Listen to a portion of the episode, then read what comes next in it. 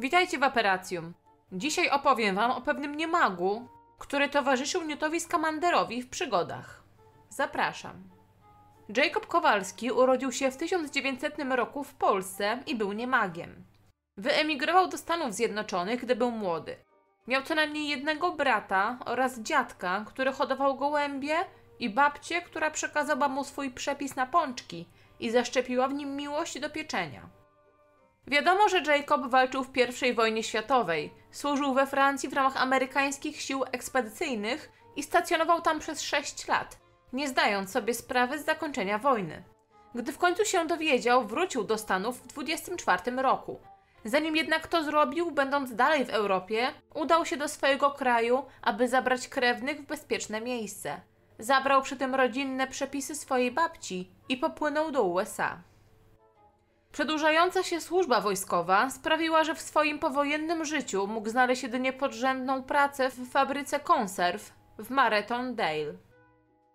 Jacob był średniego wzrostu i miał dosyć krępą budowę ciała. Miał ciemnobrązowe, kręcone włosy i wąsy oraz oczy w tym samym kolorze. Był niezwykle ciepłą, gościnną, empatyczną i przyjazną osobą. Podczas wizyty w banku, w którym Jacob ubiegał się o pożyczkę na otwarcie własnej piekarni, spotkał Newta Scamandera, który był zaaferowany poszukiwaniami niuchacza, który uciekł mu chwilę wcześniej. Gdy Newt rzucił się w pogoń za stworzeniem, nieopatrznie zostawił jajo żmijoptaka, które zauważył Jacob. Wychodząc z biura, spostrzegł, że jajo zaraz się wykluje i zawołał Newta, który przypadkowo deportował ich na klatkę schodową w pobliżu skarbca banku. Po całym zamieszaniu, jakie miało miejsce w banku, Jacob wrócił do domu, następnie patrząc na obraz swojej babci, przeprosił ją za to, że nie udało mu się zdobyć pożyczki. Jacob usiadł na krześle, gdy nagle usłyszał dźwięk otwieranego zamka w walizce. Niepewnie się odwrócił, po czym do niej podszedł, a ta zaczęła wydawać dziwne dźwięki i coraz bardziej nerwowo się poruszać. Przestraszony mężczyzna cofnął się pod ścianę, a walizka się otworzyła.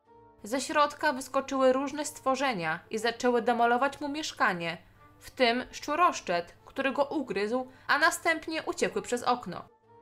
Niedługo później w zdemolowanym domu znalazł się Newt wraz z Tiną Goldstein, która zauważyła ranę Jacoba, a następnie zabroniła Skamanderowi wyczyścić mu pamięć. Cała trójka teleportowała się do domu Tiny, w którym czekała na nich jej siostra Queenie. Jacob początkowo był oczywiście zaniepokojony, gdy dowiedział się o istnieniu magii, lecz w przeciwieństwie do większości niemagów, szybko ją pokochał i był podekscytowany możliwością brania udziału w magicznych przygodach z Newtem Scamanderem. Jacob wydawał się bardzo szybko dostosowywać do sytuacji, nie panikując podczas spotkań z magicznymi stworzeniami. Wydawał się mieć słabą samoocenę, uważając się za nieinteligentnego i myśląc, że jest mnóstwo takich jak on. Jednak Queenie zapewniała go, że jest wyjątkowy. Był również bardzo bezinteresowny, co udowodnił, kiedy wyszedł dobrowolnie na deszcz, aby dosięgnęło go Obliviate, aby chronić swoją ukochaną Queenie. Nie będę Wam przedstawić całej historii Jacoba, ponieważ wszystko możecie znaleźć w filmach Fantastyczne Zwierzęta i Jak je znaleźć. I to wszystko na dziś. Dajcie znać, o czym chcielibyście usłyszeć w kolejnych odcinkach i na brodę Merlina dajcie łapkę w górę.